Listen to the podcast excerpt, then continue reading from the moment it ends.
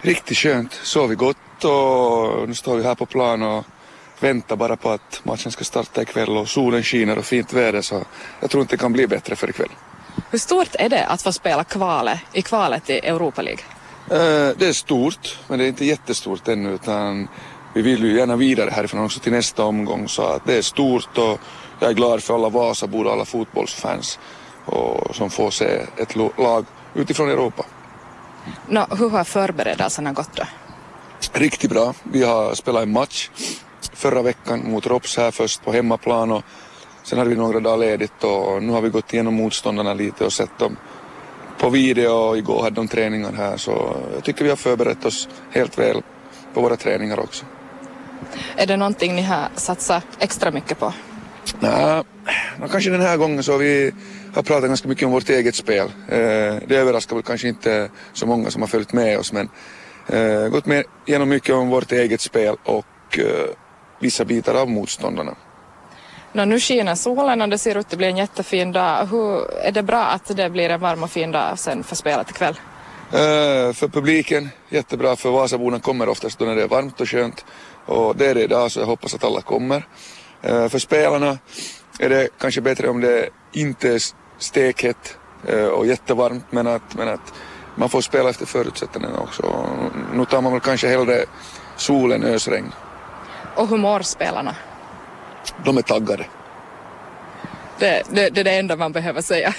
Nåja, eh, det är en sån sak som spelarna har väntat på ända sedan i fjol nästan när vi visste att vi är med i Europa League-kvalet och väntar på att se vem vi möter och, och få spel här på hemmaplan. Eh, tidigare, de som har varit med oss nu ett tag så har varit med senast när vi spelade mot AIK spelade vi hemmamatchen i Uleåborg och nu får vi spela hemma och visst är det en sån sak som spelarna väntar på och om jag ska vara ärlig så kanske det har synts lite på träningarna också att, att, att spelarna eh, är nog ganska tända och vill spela den här matchen och de har varit fokuserade och, och nu, nu har det väl synts om jag ska vara, om jag ska vara ärlig. Hur bra koll har ni på det här motståndarlaget Olympia Ljubljana då?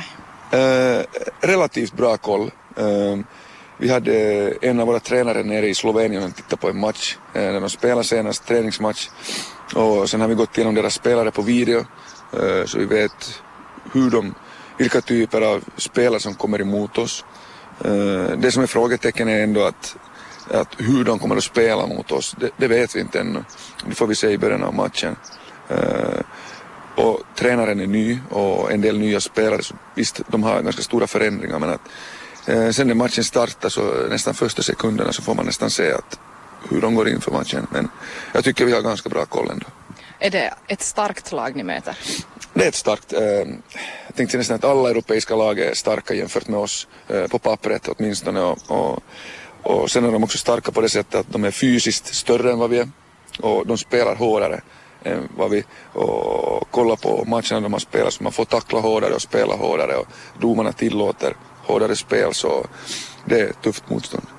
Men som du sa här så har de motståndarlaget haft en del förändringar. Jag kollat eh, Olympia Ljubljana på två år har de hunnit byta tränare. De är inne på sjunde tränare nu varav de har bytt tränare fyra gånger i år. Och under den tiden har du suttit stadigt som, som tränare för VPS.